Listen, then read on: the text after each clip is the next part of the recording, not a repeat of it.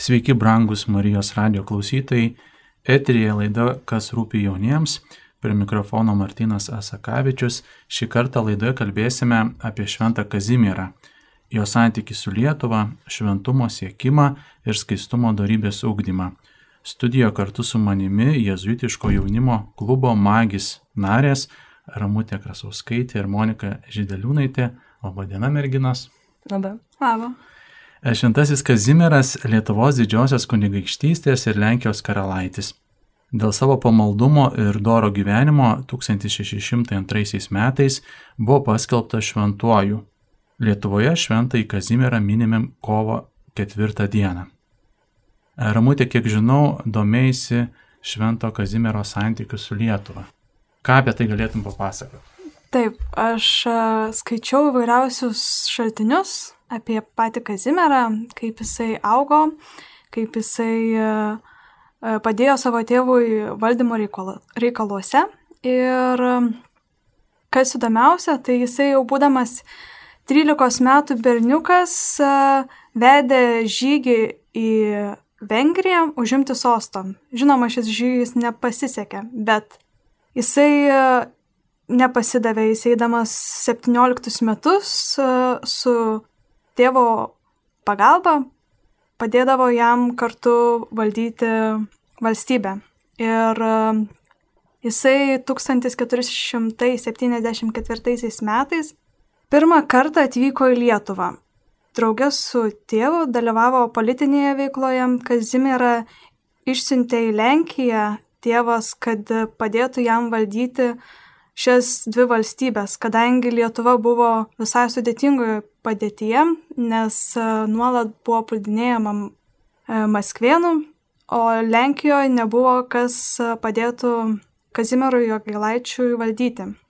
Ir svarbiausiais klausimais šventasis Kazimierais tiraudavosi savo tėvo, o šiaip pasižymėjo išmintingumu ir teisingumu sumažino valstybės išdo skolas, pagerino Lenkijos santykius su Roma ir 1483 metais pavasarį jis iš, e, iš Lenkijos atvyko vėl į Lietuvą ir čia pavadavo tėvą, bet didesnių darbų nesėmė dėl silpnos sveikatos. E, Šventojo Kazimiero biografijoje pasakojama, kad Kazimieras kasdien ragino tėvą laikytis teisingumo, valdant karalystę ir pavaldžias tautas. O jei kartkartėmės dėl nerūpestingumo ar žmogiško silpnumo, valdant kas nors būdavo apleidžiama, niekada nevengdavo ramiai nurodyti karaliui, kad tai yra neteisinga. Ir jisai dėmesį kreipia ne tik į bendrus valstybės reikalus, bet ir kiekvieną asmenį. Vilniuje ir kitose miestuose jis rūpinosi tų miestų vargšais buvo dosnus bažnyčioms ir vienuolynams. Po jo mirties buvo daugybė e, žmonių, kurie eidavo prie jo kapo ir melsdavosi ir įvyko daugybė stebuklų. Įdomu tai, kad ne tik Vilniečiai, bet ir iš kitų didžiosios kunigaikštystės miestų žmonės rinkosi ir meldėsi jam. Ir vienas iš didesnių stebuklų buvo kariuomenės pagalba, kai buvo mūšis prieš, prieš Maskvienus.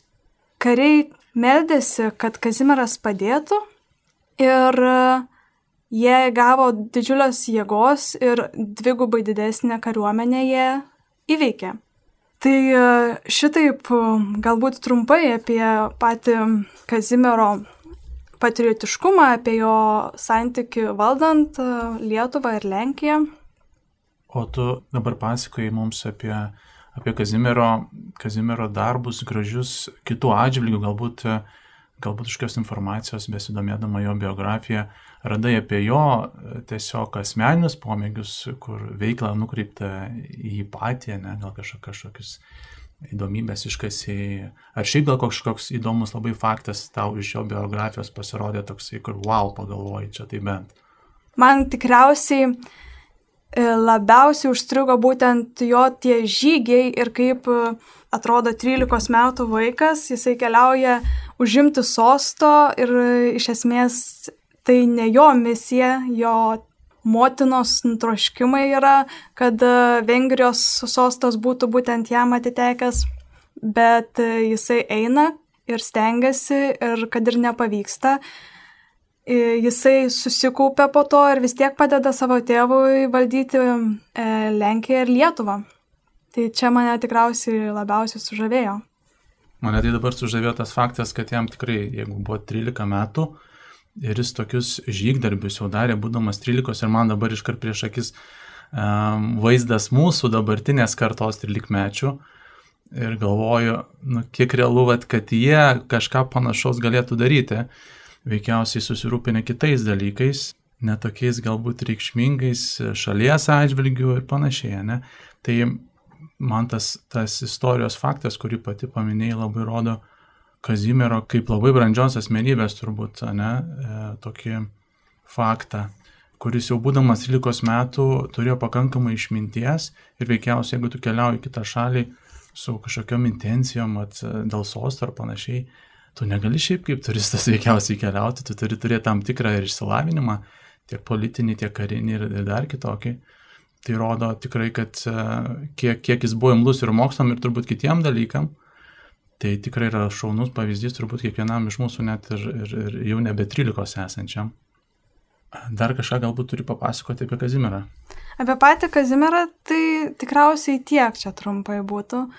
Aišku, tas 13 metų tuo metu gal nebuvo taip keista, nes tada dauguma valstybių valdovų nebuvo labai uh, daug vyresni, nes vis tiek e, žmogaus išgyvenamumas nebuvo toks didelis kaip šiais laikais, bet iš tiesų taip, jisai labai daug mokėsi, jis buvo gabus moksluose ir iš tiesų brandus, palyginus 13 metų berniuko. O šių laikų žmogui tą patriotiškumą, manau, truputį sudėtingiau išreikšti. Turime daugiau pasirinkimų dėl to, reikia daugiau įdėti valios pastangų, kad parodytumėm tą meilę tėviniai. Tarnaujant tėviniai, manau, kad šių laikų žmogus savo meilę Lietuvai patriotiškumą parodo įvairiais būdais. Tai kaip ir savanorystės, programos įvairiausios, organizacijos, kitos veiklos, kurios padeda išsaugoti Lietuvos papročius, tradicijas bei padeda kurti tobulesnę valstybę. Tai galima paminėti įvairiausias programas, kaip auksinės minutės, pažink save, jaunimo linija. Ir vis daugiau galima išgirsti žodžių, kurie skatina jaunus žmonės įsijungti į valstybės reikalus. Vis daugiau jaunų žmonių, matydami spragas mūsų sistemoje, stengiasi jas užpildyti. Todėl aš tikiu, kad vis daugiau lietuvių stengiasi kažkaip prisidėti prie geresnės valstybės kūrimo. Ir aš matau, kad jauni žmonės vis dažniau išreiškia patriotiškumą ir parodo meilę Lietuvai, jos žmonėms ir tai vyksta įvairiais pavydalais. Vienas iš artimesnių pavyzdžių yra būtent karantino laikotarpiu atsiradęs savanorių pliūpsnis. Žinoma, labai daug jaunų žmonių iškeliauja į kitas valstybės, mokytis, dirbti. Dalis grįžta, dalis ne, tai yra globalizacijos pasiekmė ir tai sukelia daug liūdėsio. Visgi manau, į patriotiškumą reikia žvelgti plačiau. Aš pažįstu žmonės, kurie kažkada iškeliavo į užsienį mokytis. Taip, tikriausiai dauguma jų negrįš į Lietuvą, nes jau yra sukūrę šeimas ir turi gyvenimą kitur. Bet jie grįžta nors ir trumpam, tam, kad atvežtų savo patirtį ir mokytų jaunąją kartą, padėtų jaunam žmogui pasiekti svajones Ir kalbant su šiais emigrantais, kartais gali, gali pajusti daug didesnį entuzijazmą kurti Lietuvą, nei kalbant su kai kuriais čia nais Lietuvoje gyvenančiais jaunuoliais, kurie galbūt atbukę yra nuo sunkumų. Manau, kad jie, būdami globalų šių laikų žmonės, atrado būdą, kaip parodyti savo meilę Lietuvai. Nėra lengva jaunam žmogui atsispirti nuo gerybių, kurias siūlo užsienio valstybės, bet iš, tos, iš to gimsta originalių idėjų, kurios padeda mums kurti gražesnę Lietuvą. Aš neskatinu rinktis emigracijos, manau, kad tikrasis būdas kurti Lietuvą yra pasirenkant gyventi joje, o kitos šalis tik stotelė, kur galima pasisemti patirties.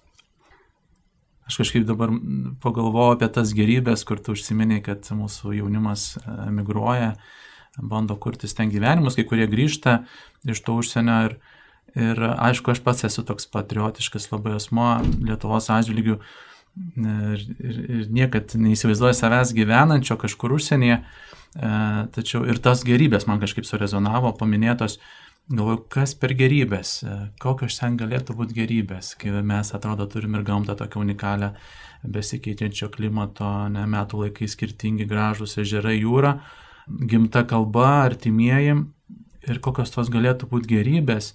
Tokia pirma mintis galbūt finansiniai kažkokie dalykai, kurie nu, galbūt skiriasi nuo kai, kai kurių labiau ekonomiškai įsivyščiusių šalių.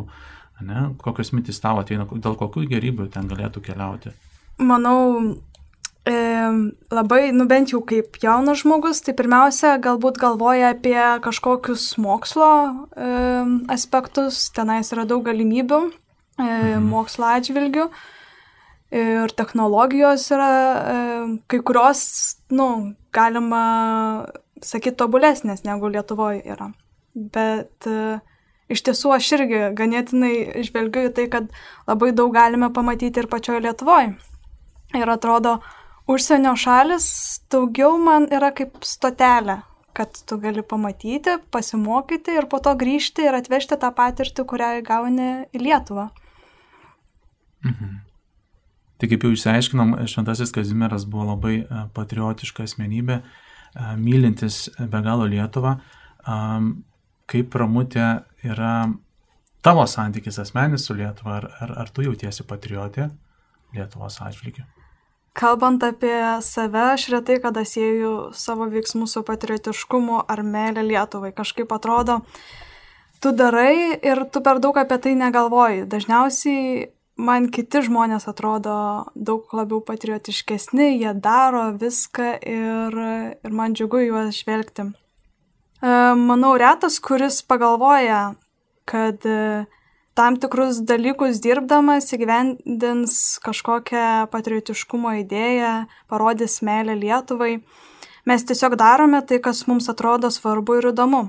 Aš tarnauju kariuomenėje ir kai aš nusprendžiau E, tarnauti kariuomeniai, tuo metu vyko neramumai Kryme ir aš norėjau išmokti, kaip reikėtų elgtis, kad iškilus grėsmiai galėčiau padėti ir būti naudinga.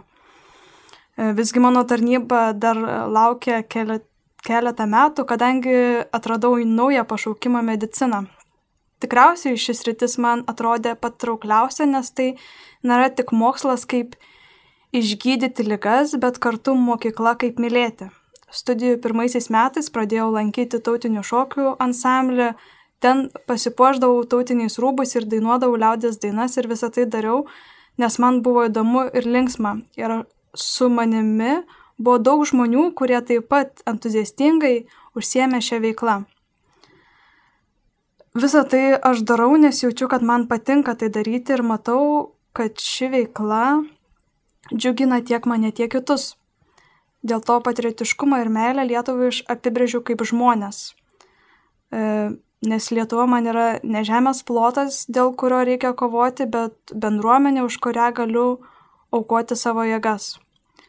Man Lietuva yra šeima, draugai, prosineliai, protėviai, kurie kovojo ir gyvybę atidavė už Lietuvą, jos laisvę ir tie, kurie dabar kovoja už tai, kad gyventumėme laisvoje valstybėje. Todėl mes kiekvienas esame tam, kad išsaugotume šią dovaną, už kurią buvo pralieta daug kraujo, kad pratestumėme tą kovą, kurią mūsų proseneliai pradėjo. Mums nereikia eiti į frontą ir lieti kraują. Šių laikų žmogus e, frontą įgauna visai kitaip. Mums reikia kovoti už tiesą, už pradinės vertybės, šeimą, tikėjimą, meilę, gyvybę. Tam, kad šių laikų atradimai neiškreiptų per amžius nusistovėjusių vertybių, bet kad ir atrastumėm balansą tarp šio laikinių išradimų ir mūsų vertybių. Mes visi įdedam savo indėlį į Lietuvą, mes visi esam be galo svarbus, kuriant Lietuvą. Akivaizdžiausias pavyzdys yra mūsų gebėjimas susivienyti esant sunkiomis akimirkomis. Ir tai ir, ir yra man e, patriotizmas. Tai ačiū Ramutė už tavo tokį gražų asmeninį liūdėjimą. Tikrai po tokių žodžių sunku kažką net ir pridėti į šitą potemę. Padarykime trumpą pertraukėlę mūsų laidoje. Brangus klausytojai, neišjunkite radio, netrukus sugrįšime.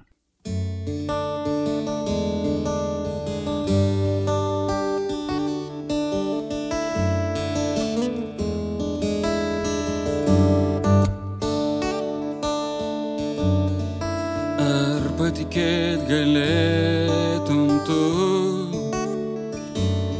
jog pamatyt tave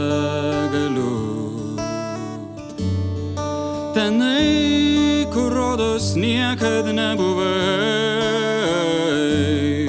tik panašiai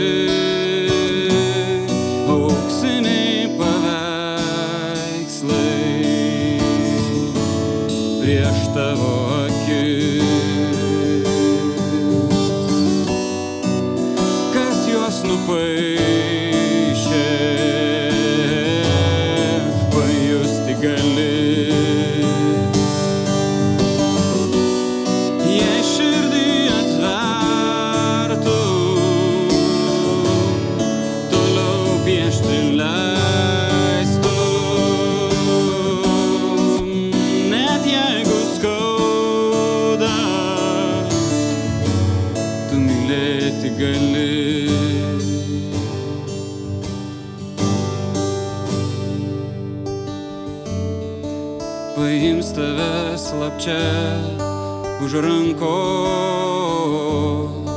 ir ves, kur angelai tik lankos. Akim matysi, kas ten paaišo, šiek tiek mums duota dar laiko.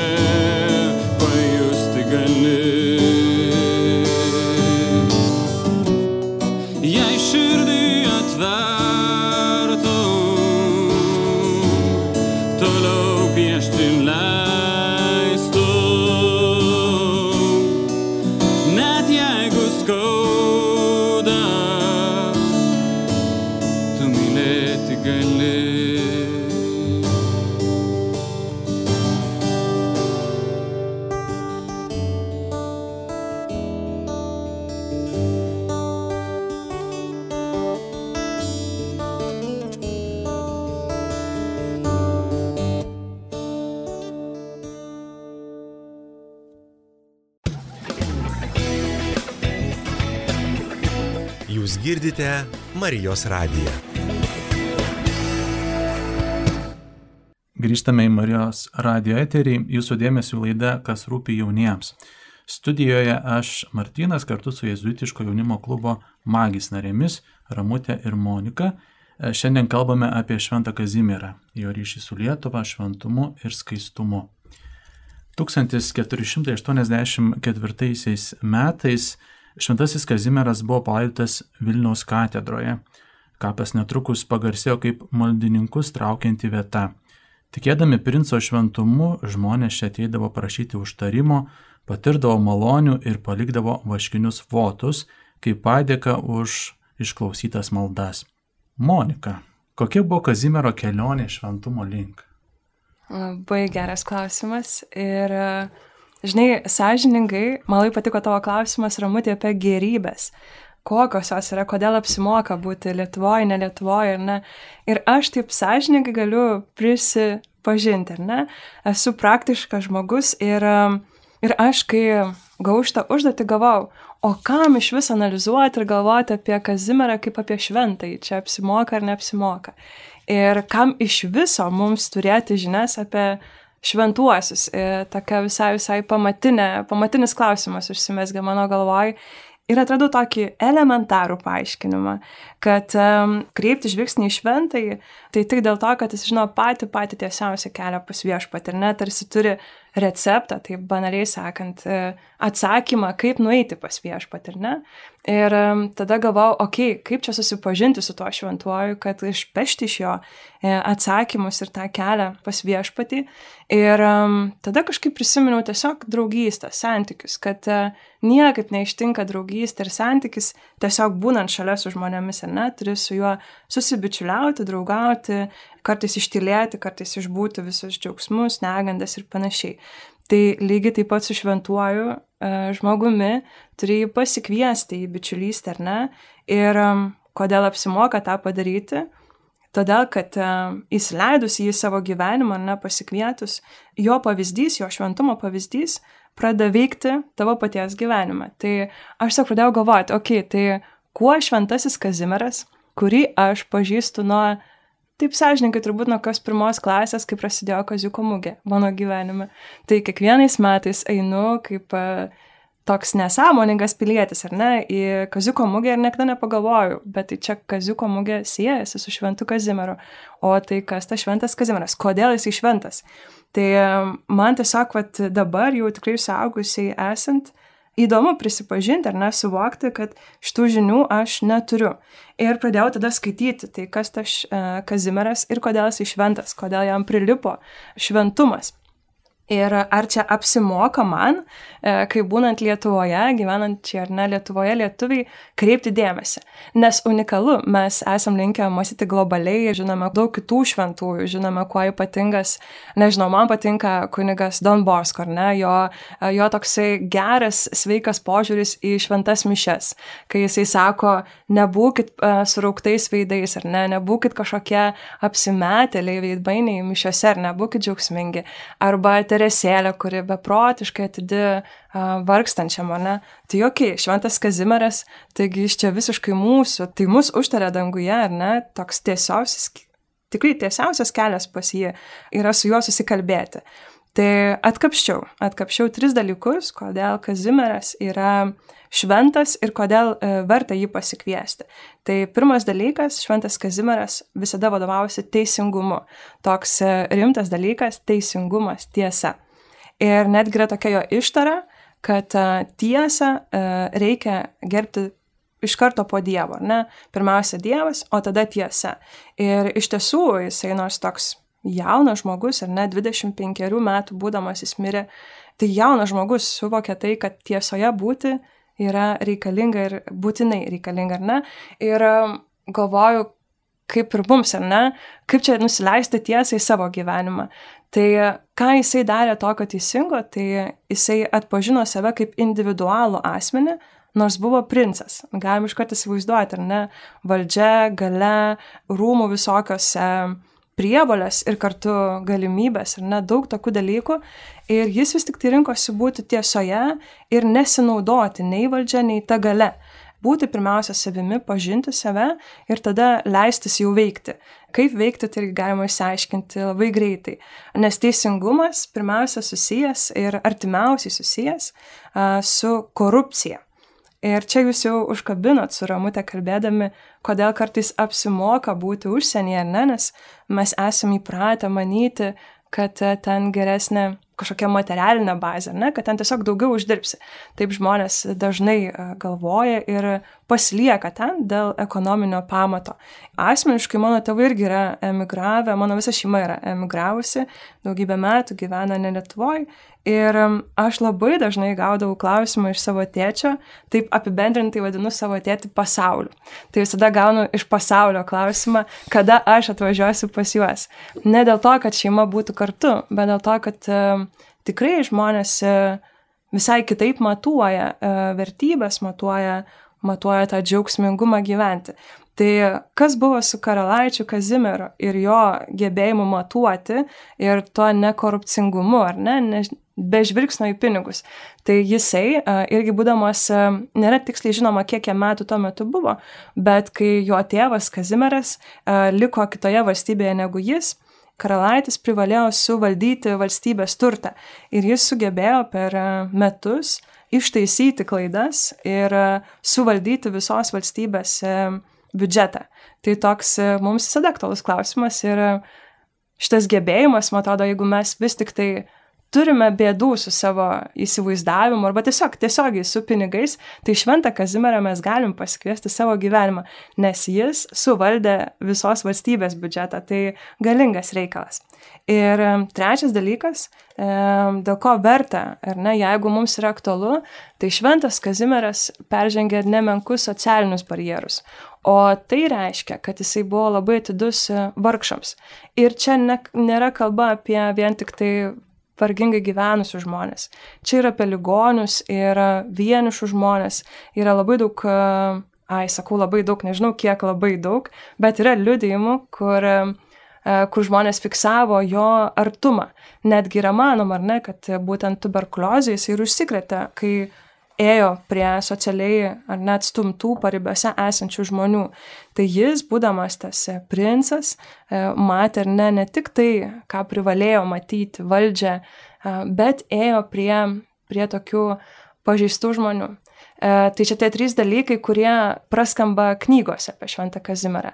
Bet asmeniškai aš, kai skaičiau um, istoriją apie jį, atradau tokį man labai artimą dalyką. Tai uh, visa tai, ką jisai darė, vis tiek pirmiausia jisai fiksavo pagarbą tėčiui.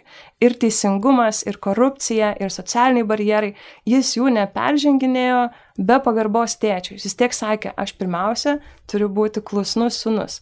Tai man toks labai gražus tas santykis su tėvais ir aš galvoju, kad ir čia, jeigu mes turime kokią nors spragą, tai galime kreiptis į Šventą Kazimierą ir um, jo pavyzdžių galime leistis, ar ne, kad mūsų gyvenime šitas skilės jisai padėtų lopyti.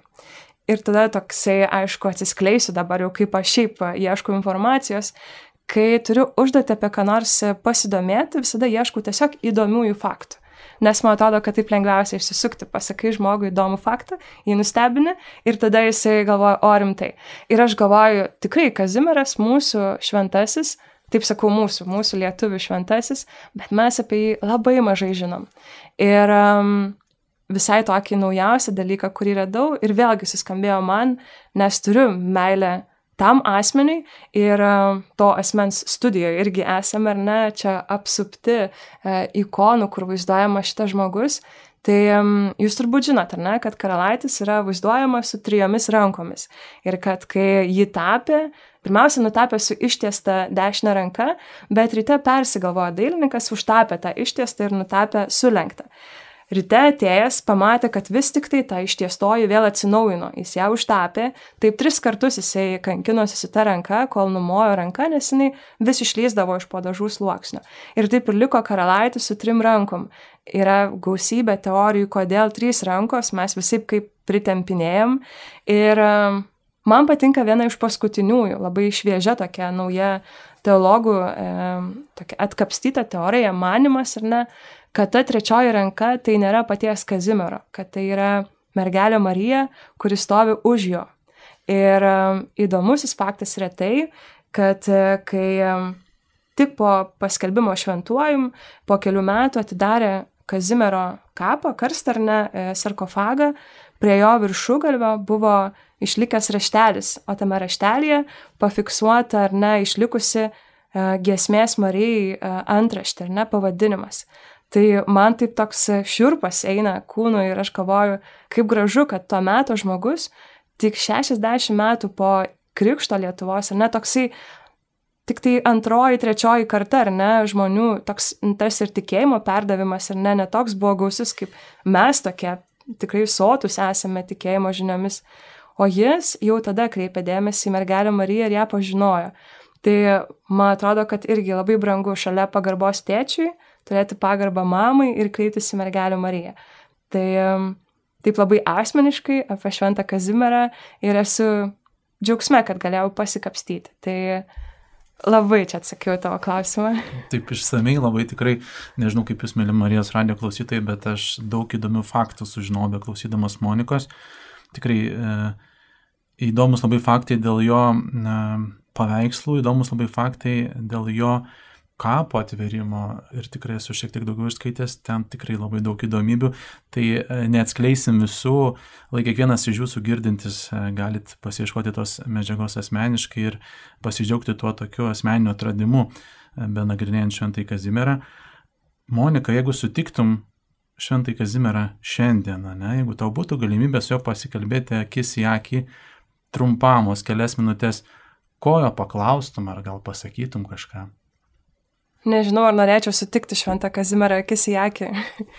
Būtent šiandien, tiesą pasakius, man e, truputėlį gėda e, būtų žiūrėti jam į akis ir, e, ir pripažinti, kad, e, kad turėdama tokį didelį turtą savo, e, savo aplinkoje, ar ne, e, nesivadovauju to turtu. Tai Dabar man truputį gera, geriau yra, ramiau, kad aš susipažinau su juo ir galiu kreiptis į jį, bet tuo pačiu tikrai esu labai šviežia šitoj pažintyje ir man atrodo, gerai yra prisipažinti, kad gėda, kad nežinau ir kad esu linkusi taip pat globaliai mąstyti ir, ir truputį pamirštu tą vietos rinką, vietos ar ne įžymybės, vietos lobius.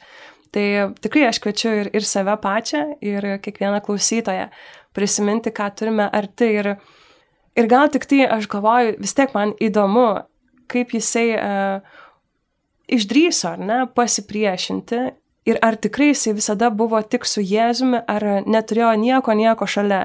Man čia įdomus net kapstytas jo mamos įtaka, ar ne, ar tikrai mama jam perdavė tikėjimą, kokia buvo jos figūra. Man tas pats smalsu, ar jisai tikrai ten vienas gulėjo už tų durų katedros ir meldėsi, ar visą laiką buvo toks vienas vienas kartu su Jėzum.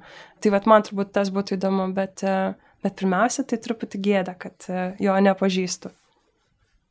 Tai tikrai uh, raginam ir jūs, mėly klausytojai, ypatingai jaunąją kartą, domėti Šventu Kazimieru, melstis jam, prašyti jo užtarimo. Kadangi jis yra tikrai mūsų ypatingai Lietuvos jaunimo globėjas ir um, reikia naudotis tuo, kaip mūsų mylimas arkiviskupas sako, tikėti apsimoka, nes iš to veikiausiai gauni daug visokių privilegijų, tai mes čia turim dar vieną ekstra privilegiją prašyti Šventojo Kazimiero užtarimo ir gauti daug malonių. Tai kiekvienas tiesiog naudokime tuo.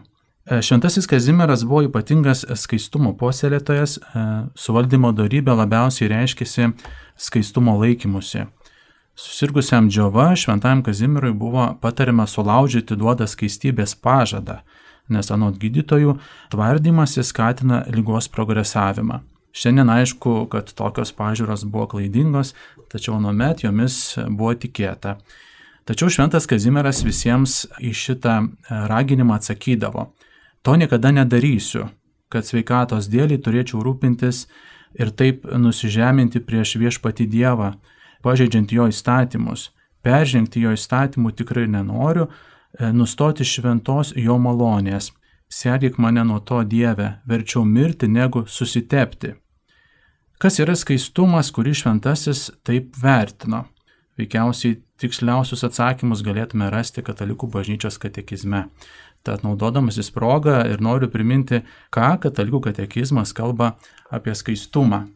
Pats irgi būdamas dar pakankamai jaunas žmogus, nesu spėjęs išstudijuoti katalikų katekizmo, e, nors išmintingi žmonės kalba, kad ten yra labai daug išminties ir gerų atsakymų į visus mums rūpimus klausimus. Kadangi laida taip ir vadinasi, kas rūpi jauniems, tai bandom tų atsakymų ir ieškoti į mums rūpimus klausimus, o skaistumas šiai dienai veikiausiai yra viena iš tų vertybių ir aktualijų, kuri dažnai kvesionuojama tarp jaunų žmonių, tad žinoti šiek tiek daugiau apie jį visada yra naudinga. Skaistumas reiškia darnų litiškumo įtraukimą į žmogaus asmenybę, tad į vidinę kūrinio ir dvasinio žmogaus vienybę. Litiškumas, iš kurio matyti, jog žmogus priklauso fiziniam ir biologiniam pasauliui, tampa tikrai žmogiškas mens savastimi. Kai jis įtraukiamas į vieno asmens santykių su kitu, į visišką ir laiko nesaistomą abipusį vyro ir moters dovanojimąsi neribotam laikui. Tas skaistumo darybė apima žmogaus nepažeistumą ir dovanojimosi visuotinumą. Skaistus žmogus išsaugo visas jame esančias gyvybės ir meilės jėgas. Toks vientisumas garantuoja asmens vienybę ir prieštarauja bet kam, kas ją žaidžia. Jis nesuderinamas nei su dviejopų gyvenimu, nei su dviejopų kalbėjimu. Ir būtent šita frazė man iš karto rezonuoja taip ir prieš akis iškyla tas vaizdas šiandieninės praktikos. E, tikrai dažnas žmogus ir netgi drįšiu pasakyti, tikinti žmogus ir save laikantis praktikuojančių katalikų dažnai nesivadovauja šitą taisyklę, kuri minima katekizme, jog turėtų būti suderinamas žodis ir veiksmas. Ir veikiausiai ir pats nesu šventas ir tobulas šitų klausimų ir dažnai mano pačio turbūt žodžiai neatspindi veiksmų ir atvirkščiai, tačiau tokią tendenciją matau ir aplinkui savęs, ne tik tarp jaunų, bet ir tarp vyresnių žmonių, kada tikrai atrodo žmogus vieną kalbą, o visai kitaip elgesi, ne? Ir atvirkščiai. Elgesi vienaip, o kalba kitaip. Tai dalykas, norint išlaikyti skaistumą ir būti skaičiam, yra labai svarbus kad būtų suderinamumas tarp mūsų kalbėjimo ir elgesio. Skaistumas moka susitvardyti, vadinasi, ugdo žmogaus laisvę. Alternatyva akivaizdi - arba žmogus apvalo savo aistras ir pasiekia ramybę, arba leidžia jom save pavergti ir tampa nelaimingas. Žmogaus orumas reikalauja, kad jis veiktų sąmoningai ir laisvai rinkdamasis, Tai yra pats iš vidaus skatinamas ir įtikinamas, o nekla vidinė paskata arba vien išorinė prievarta. Ta orumą žmogus įgyja tuo met, kai išsivadavęs iš bet kokios aistrų nelaisvės siekia savo tikslo laisvai, rinkdamasis gėrį ir kruopščių darbų sėkmingai pasirūpindamas tinkamų priemonių jam pasiekti. Taigi, kaip išsivaduoti iš tų aistrų nelaimės ir kokios tos priemonės yra.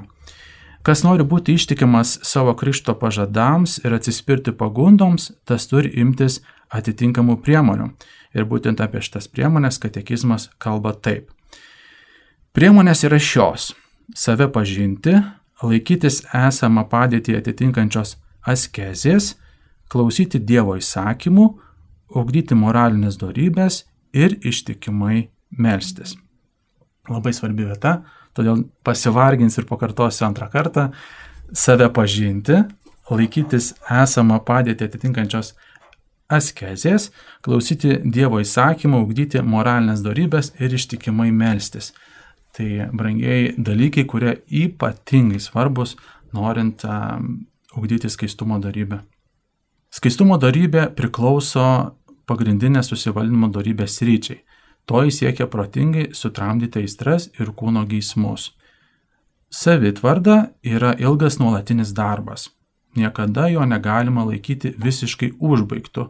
Tam prireikia pastangų visais gyvenimo tarpsniais. Didesnių pastangų gali prireikti tada, kai formuojasi asmenybė, tai yra vaikystėje ir jaunystėje. Skaistumas yra pavaldus augimo dėsniams tenka pereiti netobulo ir labai dažnai nuodėmiai neatsparaus skaistumo pakopas. Tai reiškia, kad mes netampame iš karto skaistus ir keliaudami link to skaistumo neišvengiamai turim santykių su nuodėme. Tačiau e, vėlgi reiktų turbūt savęs nesmerkti dėl šito dalyko, e, bet vėlgi savo per daug nenulaidžiaujant keliauti į priekį ir stengtis, kad tos nuodėmės mūsų gyvenime būtų mažiau, mažiau ir mažiau ir mes vis po truputį skaistėtumėm. Dorybingas ir skaistus žmogus diena iš dienos kuria savo asmenybę gausiais laisvais apsisprendimais. Jis pažįsta, myli ir vykdo moralinį gėrį laipsniškai augdamas. Skaistumas yra moralinė darybė. Ji taip pat yra Dievo dovana, malonė, dvasios vaisius. Atgimusiems per Kristo vandenį šventoji dvasia duoda jėgos siekti Kristaus tyrumu. Tai katekizmas sako, kad tai yra Dievo dovana. Tad dar kartą pasikartosiu, kaip viskupas Kestutis mėgsta sakyti, tikėti apsimoka, tai čia yra dar viena privilegija, kurią mes galim gauti iš tikėjimo. Tai yra melstį Dievo dovanų. Ir Dievas tikrai tas dovanas dalina ir dovanoja jų prašantiems. Tai jeigu mes norim būti skaistus, tai be viso to, kad siekiam to, reikėtų prašyti ir Dievo malonės, kaip pagauti tokią dovaną skaistumo. Ir manau, tai yra superinis dalykas, kuris daug, daug pastangų įdentant gali atnešti daug gerų, gražių vaisių. Meilė yra visų darybių forma jos veikiamas skaistumas tampa savo asmens dovanojimo mokykla. Savitvarda krypsta į dovanojimąsi.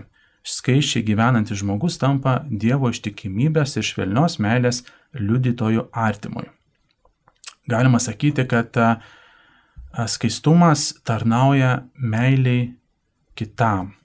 Ne? Kada skaistumas yra nukreiptas į meilės skleidimą kitų atžvilgių, o veikiausiai tada gašlumas a, yra nukreiptas į meilę savo, į didelį egoizmą, už kurio veikiausiai slepiasi kita nuodėmė kaip po puikybės. Skaistumu žmonės privalo išsiskirti kiekvienas pagal savo luomą. Vieni davė Dievui mergeliškumo ar pašvestojo celibato įžadą, kad tuo prakelnių būdu, gyvendami nepadalytą širdimi, galėtų lengviau atsiduoti vienam Dievui. Kiti gyvendami pagal visiems privalomą moralinį įstatymą vienaip santokos sujungti, kitaip nesusituokę. Sužadėtiniai raginami būti skaistus susilaikydami. Ta išmėginimo laikotarpį jie privalo vertinti kaip progą išmokti abipusės pagarbos ir ištikimybės, turėdami vilties, kad gaus vienas kitą iš Dievo.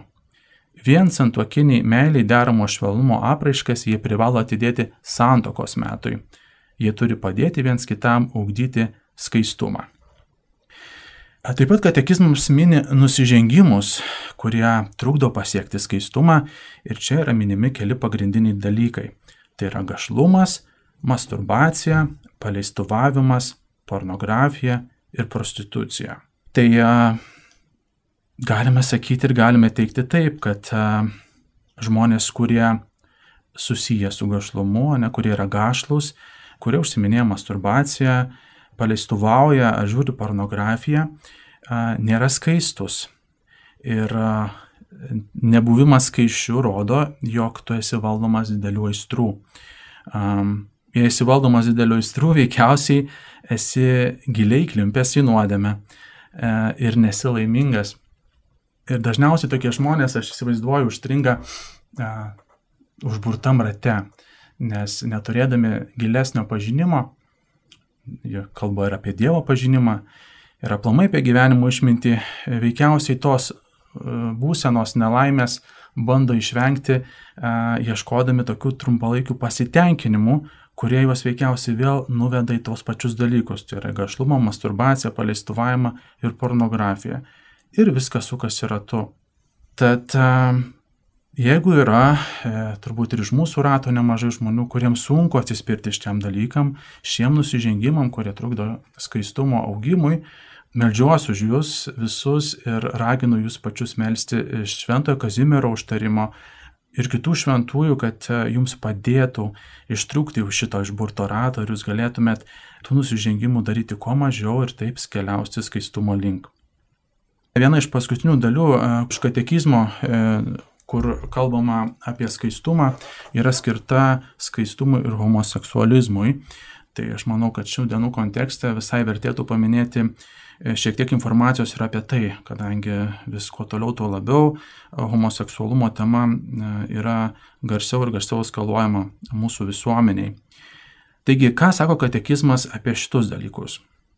Nemažam būriui vyrų ir moterų būdingos giliai įsišaknyjusios homoseksualios tendencijos. Toks objektyvai netvarkingas polinkis daugeliu yra sunkus išmėginimas. Su tokiais žmonėmis reikia elgtis pagarbiai, su užuojauta, taktiškai, vengti kaip nors netinkamai juos atstumti. Tie asmenys yra pašaukti vykdyti Dievo valią savo gyvenime, o jeigu yra krikščionys, sunkumus, su kuriais gali susidurti dėl savojo polinkio, turi vienyti su viešpaties kryžiaus auka. Dėmesio, homoseksualų žmonės pašaukti į skaistumą.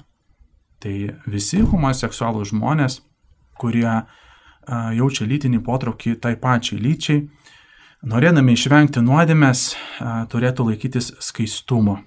E, vidinę laisvę ugdančių susitvardymo darybių, galbūt ir nesavanaudiškos draugystės, taip pat maldos ir sakramentinės malonės padedami jie gali ir privalo pamažu ir atkakliai siekti krikščioniško tobulumo.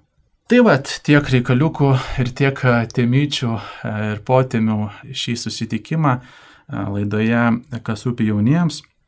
Mūsų laida artėja prie pabaigos. Šį kartą aptariam daug įdomių dalykų, bet veikiausiai tikrai ne visų, kurie yra susijęs su Šventu Kazimieru. Palėtėm kelias potėmės, tai yra jo santykis su Lietuva, su, su šventumu, dėl ko jisai šventas, kaip jam sekėsi keliauti to šventumo link. Aptarėm apie skaistumą, tam tikrus niuansus, kuriuos e, ugdydami vėlgi ir, ir skaistumą puoselėdami mes galim panašėti į šventai Kazimierą, tai to tikrai ir savo ir visiems kitiems e, linkiu. Meldžiam šventasis Kazimierai, angeliškasis jaunuolį, Dievo meilė žiburį, išvermingasis Kristaus sėkėjau, olusis Marijos garbintojau, gražiausių darybų gėlynė, nuolatinės maldos brangintojau, maldos ir darbo jungėjau, pasnikų mylėtojau, skaistusis nekaltybės karžygy, jaunatviškos skaistybės mokytojau, didysis artimo mylėtojau, švelnusis prislėgtųjų guodėjau, dosnusis našlių šelpėjau, jautrusis našlaičių tėve, tikroji palėgėlių viltie, tikėjimo palaikytojau, bažnyčios ir valstybės taikintojau, tiesos ir teisingumo vykdytojau, krikščioniškos drausmės atstovę, nuostabios išminties vyrė, pavyzdį pasaulio galiūnams, mūsų tėvynės užtarėjau, garbingasis Lietuvos sūnau ir globėjau, melskiu už mūsų šventasis Kazimierai, kad taptume verti Kristaus žadėjimu. Kviečiame šiame laikė ypatingai prašyti šventojo Kazimiero užtarimo. Jo užtarimas kaip niekad yra mums reikalingas. Ačiū uždėmesį, brangus Marijos radio klausytojai. Gražių jums dienų ir iki kitų susitikimų.